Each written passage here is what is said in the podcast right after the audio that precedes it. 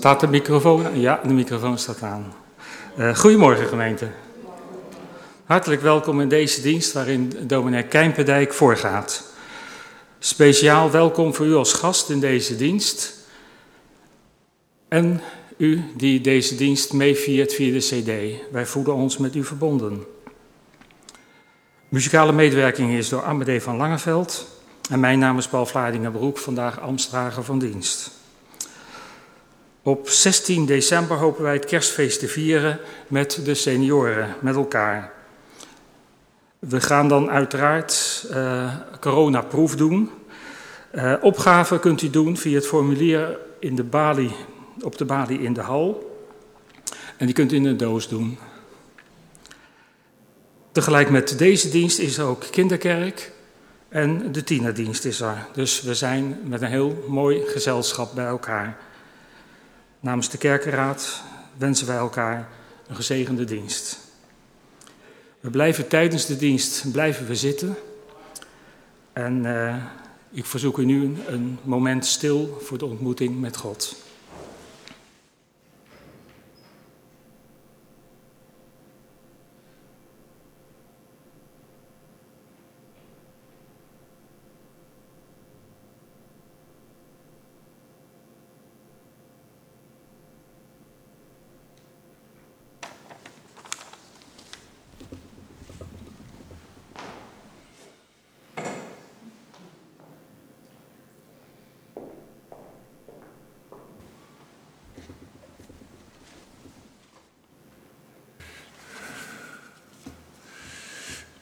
Wij beginnen deze dienst met uit te spreken dat onze hulp is in de naam van, de, van God die de schepper is van hemel en aarde.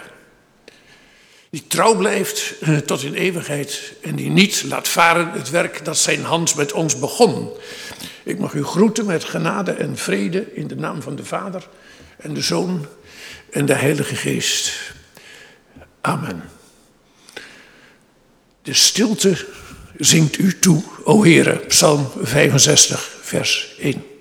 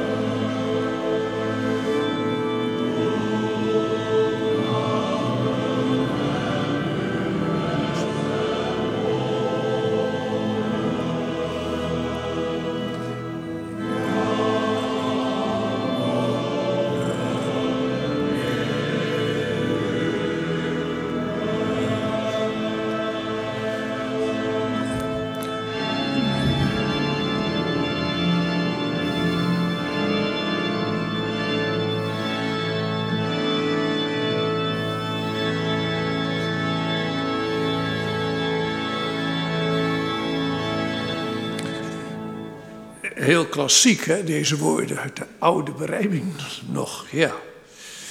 Laten wij de naam van de Heer om ontferming aanroepen. O God, hoe groot is in deze tijd van afstand nemen. Hoe groot is dan wel niet de afstand tussen u en ons? Ergens kunnen we ons niet aan de indruk onttrekken dat gij een wel erg, erg afstandelijk God zijt. Hoewel, is het niet de troost dat gij van verre, van verre onze gedachten verstaat. En dat gij ons beter verstaat dan wie ook. Misschien ook wel beter dan wij onszelf verstaan, over afstand gesproken. Zo hoog de hemel is boven de aarde, zo groot is immers uw ontferming. En wat is ontferming anders dan nabijheid?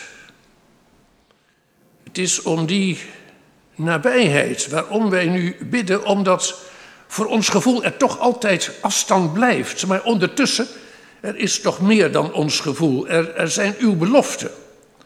Wij geloven toch omdat geloven rijmt op beloven. En daarom beroepen wij ons op u als wij bidden om ontferming voor heel uw wereld die in coronitische tijden uw belofte dubbel en dwars nodig heeft. Zoals ook wij persoonlijk. Daarom roepen wij, Heer, ontferm u. Amen. Gezang 1008.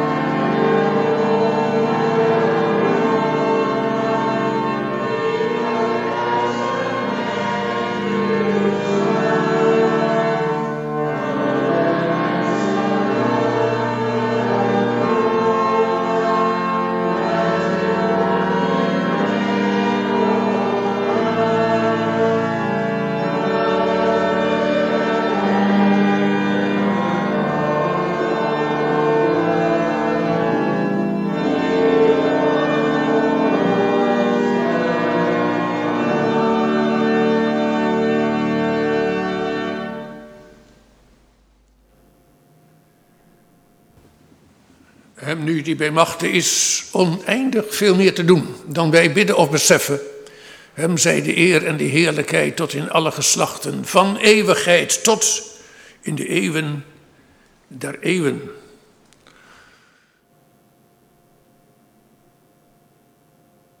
Laten wij bidden.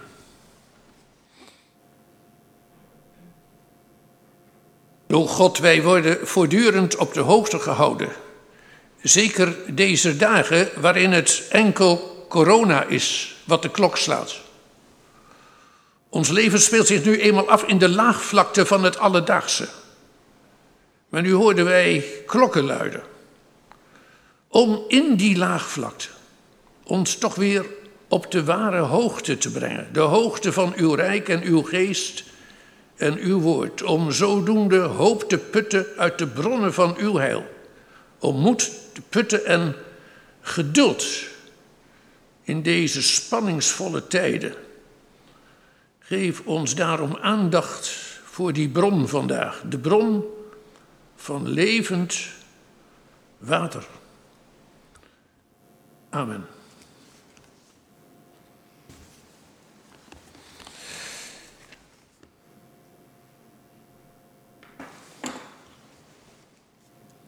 Ik lees u uit het Johannesevangelie, het tiende hoofdstuk.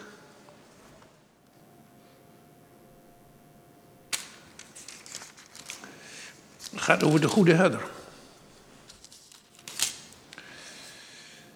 Waarachtig, zegt Jezus, ik verzeker u wie de schaapskooi niet binnengaat door de deur, maar ergens anders naar binnen klimt, is een dief of een rover. Wie door de deur naar binnen gaat, is de herder van de schapen. Voor hem doet de bewaker open. De schapen luisteren naar zijn stem. Hij roept zijn eigen schapen bij naam en leidt ze naar buiten. Wanneer hij al zijn schapen naar buiten gebracht heeft, loopt hij voor ze uit en de schapen volgen hem omdat ze zijn stem kennen. Iemand anders volgen, uh, volgen ze niet, ze, ze lopen juist van hem weg, omdat ze de stem van een vreemde niet kennen. Jezus vertelde hun deze gelijkenis, maar zij begrepen niet wat hij bedoelde. Hij ging daarom verder. Waarachtig, ik verzeker u, ik ben de deur voor de schapen. Voor, voor, wie voor mij kwamen, waren allemaal dieven en rovers, maar de schapen hebben niet naar hen geluisterd. Ik ben de deur. En wanneer iemand door mij binnenkomt, zal hij gered worden. Hij zal in en uitlopen en hij zal weidegrond vinden. Een dief komt alleen om te roven, te slachten en te vernietigen. Maar, en dat is de tekst van vanmorgen, ik ben gekomen om leven te geven in al zijn volheid, in overvloed. En vers 17, de Heer heeft, de Vader heeft mij lief, omdat ik mijn leven geef, om het ook weer terug te nemen. Niemand neemt mijn leven, ik geef het zelf. Ik ben vrij om het te geven en om het weer terug te nemen. Dat is de opdracht die ik van mijn vader heb gekregen. Tot zo ver.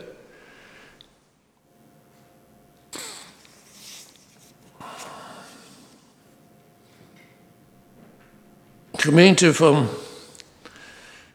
onze Heer, corona. Hoe kwetsbaar is het leven? Een groot deel van dit jaar in het teken van wat ik in de kerkmail noemde de gekroonde met een C allemanschading. Het is niet de eerste keer dat een dergelijke epidemie ons land niet alleen, maar ook de hele wereld trof. Nee, maar de pest uit de 14e eeuw, toen maar liefst een derde van de westerse bevolking daarbij omkwam. Ook mijn familie werd ooit door epidemieën getroffen. Mijn beide ouders. En twee van mijn broers bleken net op het moment dat de nieuwe medicijnen uitgevonden waren, kwamen in 1949, bleken besmet te zijn met TBC. Wat tot gevolg had dat zij in een sanatorium werden opgenomen. Ik ontsprong deze dans. En gelukkig maar, want de man die in die tijd geneesheer was van geneesdirecteur van Sonnevang, die ik later ontmoette, zei mij: U mag van geluk spreken, want ik denk dat u het niet overleefd zou hebben. Mijn ouders en broers overleefden het wel, maar mijn vader, predikant in Amsterdam, moest met emeritaat, omdat hij ook uh, bronchitispatiënt was. En hij overleed in 57. Hij had eerder zijn eerste vrouw verloren, ook aan TBC, toen ze nog maar goed een jaar getrouwd waren. Mijn vader was predikant in, als Haagse jongen, helemaal in Noordoost-Groningen, in Sellingen. Wel nu zijn vrouw overleed na goed een jaar. Ik ben als oudste geboren uit tweede huwelijk. Vreemd eigenlijk, vreemd eigenlijk, dat ik ergens mijn bestaan mede te danken heb aan een besmetting. Als u begrijpt wat ik bedoel. De ouders van mijn moeder verloren tot twee keer toe twee kinderen aan epidemieën in het begin van de vorige eeuw. En een overgrootvader verloor aan het eind van de voorvorige eeuw in één jaar vrouw en vijf kinderen aan een cholera-epidemie. Dat is mijn familie. En velen van u, misschien ieder van u, kan ook iets dergelijks invullen. Hoe kwetsbaar is het leven? En zo zou je tot de vraag kunnen komen of het leven dan nog wel het waard is om geleefd te worden. Als het zo ineens overvallen kan worden door geheimzinnige krachten. Blijkbaar is het dat toch ergens wel waar, waard, dat leven, gelet de grote inzet. Alles te doen om levens te redden en te beschermen. En toch voelen we ons bedreigd. Dat wil zeggen, we voelen ons wat ons leven betreft bedreigd. Maar wat is dan de zin van dat leven? Om je daar zoveel zorgen over en zoveel drukte voor te maken. Iemand zou zeggen, ach maar wat is dat voor een vraag? Wat voor zinloze vraag eigenlijk om te vragen naar de zin van het leven. Waarom is dat eigenlijk een zinloze vraag? Is het leven zelf soms zinloos? Nee, natuurlijk niet. Hoewel, als je tegenslag op tegenslag hebt te verduren, dan kan zich de vraag opdringen: wat voor zin heeft mijn leven nog? Wat voor kwaliteit heeft mijn leven nog? Wat betekent het eigenlijk allemaal? En je ziet dan af en toe mensen uit het leven springen. Overigens niet omdat het leven zonder meer zinloos is geworden, maar omdat ze er zelf geen deel meer aan hebben. Ze hebben er, zo zou je het ook kort en goed kunnen samenvatten, ze hebben er volstrekt geen zin meer in. Dat is overigens ook wel iets om even vast te houden. Ze hebben er volstrekt geen zin meer in. In het leven niet. Kijk, zolang je er wel zin in hebt, stel je die vraag niet. Die vraag of het leven wel zin heeft. Als alles voor de wind gaat, ja, dan leef je zonder meer, zonder mitsen en maren. Maar goed, het leven loopt toch niet altijd op rolletjes. Ieder komt wel eens voor vragen te staan, voor problemen. Vragen die heel diep kunnen gaan. En die raken dan aan de zin, of kunnen raken aan de zin van de waarde van het leven. En zo niet van zichzelf, dan eventueel van anderen. De zin van het leven, waar doe je het voor? Zo zou je het ook kunnen, kunnen formuleren. Voor je werk, voor je gezin, voor vrouw en of kinderen en kleinkinderen. Toen mijn vrouw, nu alweer ruim elf jaar geleden, overleed, was het ergste dat zij vond van haar heen gaan dat ze de levensontwikkeling van haar kleinkinderen niet meer en van onze kleinkinderen niet meer konden meemaken. Of moeten we de lat hoger leggen en zeggen: de zin van ons leven ligt in het geloof, in de godsdienst of, of misschien ook wel in de dienstbaarheid jegens de medemens. De zin van het leven is dan kort en goed God liefhebben en de naaste als jezelf. Waarbij de naaste een heel rekbaar begrip is, want de vreemdeling valt er ook onder. Het gaat ook om de verre naaste. Let wel. Met name die naaste liefde is gericht. Waarop eigenlijk? Op een goed leven voor die naaste. Je kunt ook nog de vraag stellen: wordt de zin van het leven van hogerhand bepaald? Of bepaal ik die zin zelf? In het geloof beleiden we toch eigenlijk dat het God is die ons leven bepaalt. Ergens zegt Paulus dat. Hè? Althans, die indruk wekt hij als hij zegt dat wij door het geloof gerechtvaardigd worden. Dat is een hele zware zin, maar het betekent eigenlijk dat wij door het geloof recht van bestaan hebben. Recht van bestaan hebben. Zei je dat dat weer in een bepaalde context staat? Maar goed, hoe dat ook zij, ergens zul je toch ook zelf er iets aan moeten doen. Hè? Het leven op een zinvolle manier moeten invullen. Want het wordt je ook weer niet allemaal in de schoot geworpen. Het is van belang om toch nog eens verder te kijken hoe de Bijbel de zin van het leven benadert. Nou, daar kan ik eigenlijk eh, heel kort over gaan. Dat was toen helemaal geen vraag. Dat was geen vraag. De vraag naar de zin van het leven is eigenlijk pas opgekomen aan het eind van de 18e, begin 19e eeuw. Dan ineens beginnen mensen dit soort vragen te stellen. Daarvoor was het leven gewoon vanzelfsprekend. Wat niet wegneemt dat er in de Bijbel toch wel terdege ernstige vragen worden gesteld. Met betrekking tot het leven. Neem de psalmen, neem de klaagpsalmen. Waarom klagen die mensen? Waar, waarom anders dan dat ze hun leven als bedreigd ervaren? Eh, belangrijker dan het kwaad dat mensen doen, de, de, de zonde, zo gezegd, is in de psalmen het kwaad dat mensen overkomt. Veel belangrijker. Neem ook maar het boek Job. Meermalen wordt in sommige psalmen en ook in het boek Job gezegd dat de psalmist zelf en ook Job zelf volstrekt onschuldig zijn, zonder zonde zeg maar. Maar ze zitten met het probleem van het kwaad dat anderen hun aandoen hun leven bedreigen. Overigens, er is in de Bijbel een Bijbelboek dat toch ergens de suggestie wekt de zin van het leven in twijfel te trekken. Ik bedoel natuurlijk het boek Prediker. Die beweert dat het leven ijdelheid is. Ijdelheid zonder betekenis. Vruchteloos. Ten dode opgeschreven. Vergankelijk, vluchtig. Zinloos. En daarmee is Prediker het somberste boek van de Bijbel, zou je zo denken.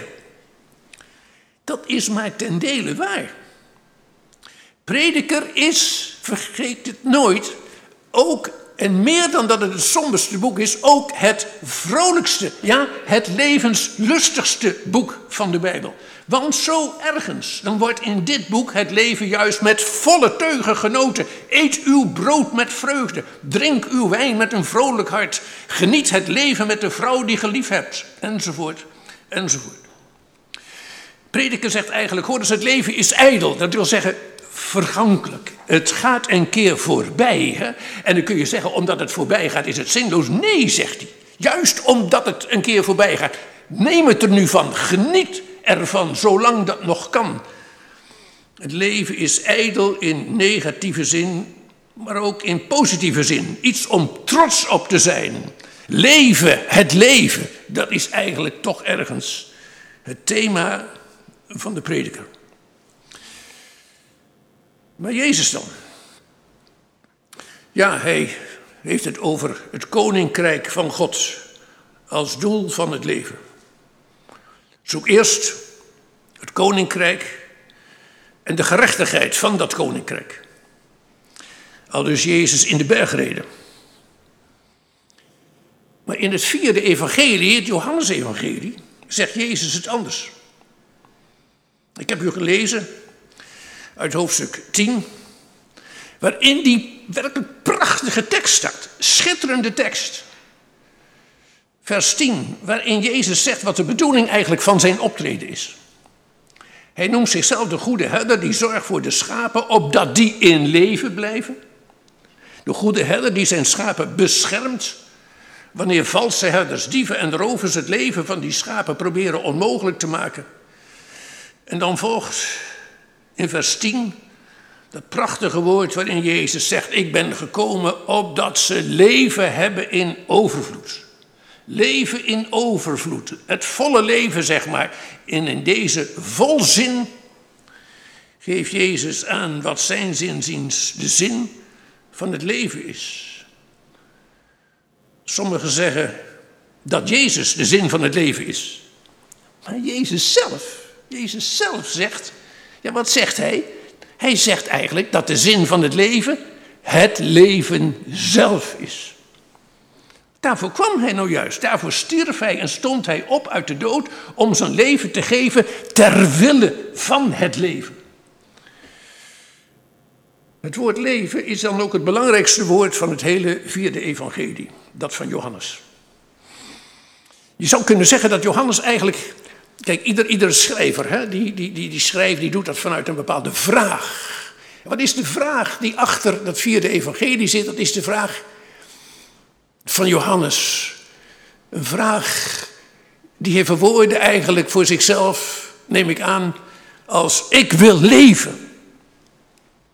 Ik wil leven. Wel nu, het evangelie begint ermee. In de beginnen was het woord en het woord was leven. En het woord was levengevend. Het evangelie eindigt er ook mee als Johannes aan het, bijna aan het slot zegt: Dit alles heb ik geschreven opdat u door te geloven het leven hebt. Dus dat je leeft. Daar ging het mee om, al dus Johannes omdat het Jezus daarom ging. De zin van het leven ligt in het leven zelf. En telkens komt dat woord leven in de, eh, het vierde evangelie tot klinken. Met name als wij Jezus horen zeggen dat hij het brood des levens is. En de opstanding en het leven. En de weg, de waarheid en het leven. Zin van ons leven, het leven zelf. Zinvol. Dat wordt bedoeld ook met die overvloed. Ik ben gekomen opdat jullie leven hebt in overvloed. Dat heet dan ook eeuwig leven. Neem maar die beroemde tekst. Hè. Al zo lief heeft God de wereld gehad. Dat hij zijn enig geboren zoon gegeven heeft. Opdat een ieder die in hem gelooft eeuwig leven hebben. Pas op. Pas op. Eeuwig leven wordt niet primair bedoeld. Het leven na dit leven. Eeuwig leven is in het vierde, evangelie allereerst het leven hier en nu in zijn hoogte en in zijn diepte. Zinvolheid zou je kunnen het noemen. Het leven als het volle leven, zoals je dat wel eens hoort zeggen van, dit is helemaal het einde. Of schijnbaar tegenstrijdig daarmee, dit is eindeloos. Ik ben eindeloos gelukkig. Kijk, dat is eeuwig. Leven in overvloed. En dan is het ook geen vraag meer of het leven nu zinvol is vanwege de zin die er eventueel van hoger hand aan gegeven wordt, of dat wij zelf zin aan het leven hebben te geven. Iemand zei: Niet ik geef zin aan mijn leven, maar het leven geeft zelf zin aan mij. En het leven geeft zelf zin zelfs aan God, omdat het God om het ons leven te doen is. heeft mij getroffen hoe vaak in, ik in publicaties die handelen over de zin van het leven exact dezelfde uitspraak ben tegengekomen dat de zin van het leven in het leven zelf zit. Maar dan natuurlijk wel als een leven dat tegelijk medeleven is, hè? volheid. Hè? Dat betekent dat, ja, dat ook het woord liefde belangrijk is. Een leven, dat leven is in overvloed vanwege de liefde die daarin huist. Want in een leven zonder de L van liefde is alles om het even. Dan is het dus zinloos. Zelfs de befaamde theoloog Miskotte, groot hervormd theoloog uit de vorige eeuw, nog altijd de mascotte van veel theologen. Hij schreef: Het gaat erom het leven meer lief te hebben dan de zin van het leven. Er is geen zin in het leven dan het leven zelf. In Gods naam dan wel te verstaan. Daarbij is van belang dat we de betekenis van het leven niet beperken tot het nut ervan. Op de oude dag kunnen mensen zich nutteloos voelen. En daarom zien ze dan ineens er geen zin meer in en ze hebben er ook geen zin meer in. Het leven zelf heeft geen betekenis meer voor hen. Geen kwaliteit meer. Maar leven is meer dan het nut ervan. Je mag ook leven zonder dat het schijnbaar nut heeft. Maar juist het gemis in de ouderdom maakt voelbaar hoe, lang, hoe belangrijk het leven is. Daarom is volgens Johannes het leven ook het licht der mensen. We zeggen wel, zolang er leven is, is er hoop. Maar wat moet de wanhopige daarmee? Zolang er leven is, is er licht. En als het volstrekt donker geworden is in je leven, dan gaat het erom dat er anderen zijn die je helpen om dat licht terug te vinden. Daarom was het wreed dat bejaarden in verzorgingstehuizen in het begin van de coronatijd helemaal op zichzelf werden teruggeworpen. Bij velen werd het toen donker om hen heen, ja in hen. Om levens te sparen werden levens bedreigd. Er is wel eens gezegd dat de vraag naar de zin van het leven eigenlijk een heidense vraag is.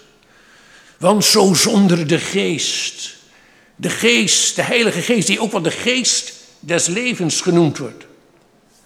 Want ook daarom werd de geest uitgestort, om het leven leefbaar te maken. En wel zo leefbaar mogelijk. Zelfs God heet de God van het leven. Daar ging het hem om, de Heere God in de schepping. Om leven te creëren. Om leven in de volste zin van het woord. En met deze volzin eindig ik. Amen.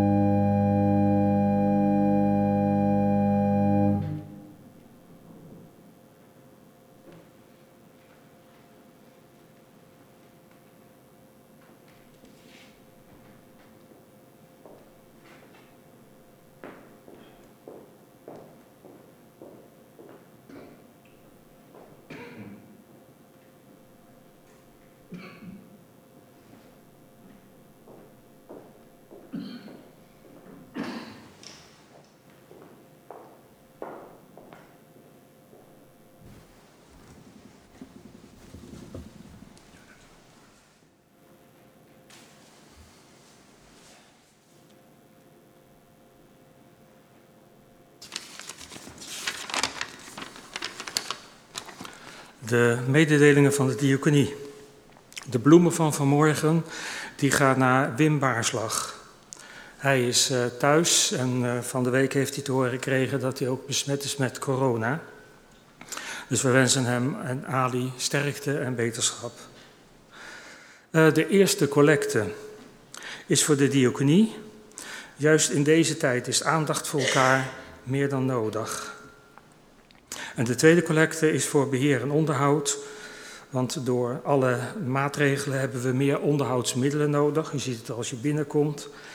En uh, afgelopen weken is ook ons dak gerepareerd. En de pannendaken worden ook gerepareerd komende weken. Dus er is in ieder geval onderhoud nodig. Geef met uw hart. Uh, de collecte is na afloop van de dienst. Daar zijn, daar zijn er twee collecteschalen. En ook in de hal staan twee collecteschalen. En daar kunt u uw eerste en de tweede collecte in doen. Er is ook mogelijkheid weer om via de gift uh, uw collecte te geven. Dat gaat dus digitaal met uw smartphone, maar dat kan ook de hele week tot en met zaterdag. Um, ik heb net voorbeden gegeven aan uh, dominee Dijk. En daar gaat ook onze voorbeden uit naar Wim en naar Ali. Maar van de week, donderdag, is er ook ja, door binnengekomen aan eh, Jolande dat haar schoonzoon ja, gestorven is door, door zelfmoord. En nou, dat is nogal ingrijpend. We hebben net iets over, een heel stuk over het zin van het leven. En op het moment dat je dus ook je schoonzoon verliest. Dus Jolande en haar gezin gaan een hele moeilijke tijd door. En daar willen we ook voor bidden.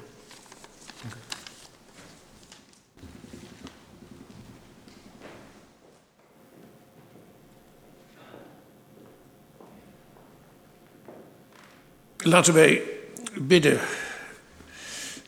En daar moeten wij dan wel mee beginnen, o God. Die onvoorstelbare triestheid die Jolande beleefd heeft. En zij niet alleen, maar ook haar dochter en andere kinderen. Het zal je maar overkomen zo dichtbij. Waarom nou eigenlijk? Ja, soms zijn levens zo donker dat ze absoluut geen licht meer zien. En is het leven daarom onbelangrijk? Nee, juist heel belangrijk. En als iemand uit het leven springt, dan is het toch ook niet omdat hij zich wil vermoorden, maar juist om, om zijn leven, hoe dan ook, te redden. Een sprong in het duister. In de hoop dat het ergens, ergens toch nog weer een sprong in het licht is. Wim Baarslag. Hier altijd duidelijk aanwezig en nu ineens getroffen door die afschuwelijke ziekte. We bidden u voor hem en ook voor Ali. Gedenk hen in uw goedheid Maak alles wel. In Jezus' naam. In de storm van deze tijd, o God, is er alle reden tot zorg, tot bezorgdheid, want er is onrust. Want hoe lang nog? En we moeten geduld hebben. Maar is geduld wel echt het tegendeel van ongeduld? Is geduld niet ergens een ongeduld dat we proberen in de hand te houden? We zijn nu in gebed, omdat ons leven toch ergens in gebed weten. In uw hand. Ergens schuilt, hoe kunnen wij zingen als angst en zorg ons aansteken, als spanningen ons de adem benemen? En anderzijds, de vrees voor besmetting zijn we hier gekomen om ons, ja, waarom eigenlijk anders dan ook om ons te laten besmetten door de aanstekelijkheid van uw geest en van uw woord. Want dat immers verlicht toch ergens onze lasten en versterkt onze harten. en verruimt onze adem en ontsluit onze lippen, hoe dan ook, zodat wij in staat zullen zijn om in weerwil van alles toch vast te houden. Vast te houden aan het leven en uw goedheid. Want als gij niet de goedheid bij uitstek zijt, wat is dan nog goedheid? En als gij niet de God van de hoop zijt, wat is dan nog hoop? Goedheid die gekenmerkt wordt hierdoor dat er altijd weer die tendens is van kwaad dat ten goede wordt gekeerd. Want daarop hopen wij toch altijd weer. Dat we wat ons ten neerdrukt, tenslotte toch weer te boven komen. Zodat we weer over hoge muren, die ons een goed zicht op de toekomst benemen, want hoe lang nog dat we daar weer overheen kunnen zien. Wij bidden u voor al diegenen die zich inzetten om ervoor te zorgen, om ons en onze medemensen van onze zorgen af te helpen. En wel door veel te helpen, heel veel te helpen. Leg Heer uw stille dauw van rust op onze duisternis.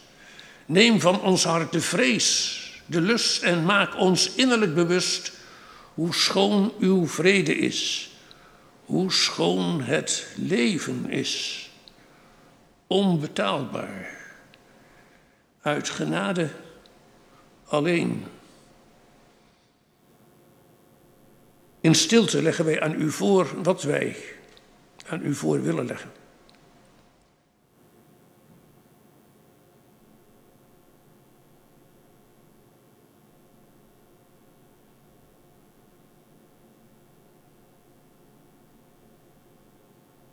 En in het geloof dat gij van verre onze gedachten verstaat, bidden wij onze Vader die in de hemelen zijt. Uw naam wordt geheiligd, uw koninkrijk komen, uw wil geschieden, gelijk op de aarde zo ook, in de hemel zo ook op de aarde. Geef ons heden ons dagelijks brood. En vergeef ons onze schulden, gelijk ook wij vergeven onze schuldenaren. En leid ons niet in verzoeking, maar verlos ons van de boze. Want u is het koninkrijk en de kracht en de heerlijkheid tot in eeuwigheid. Amen. Ons slotlied 725.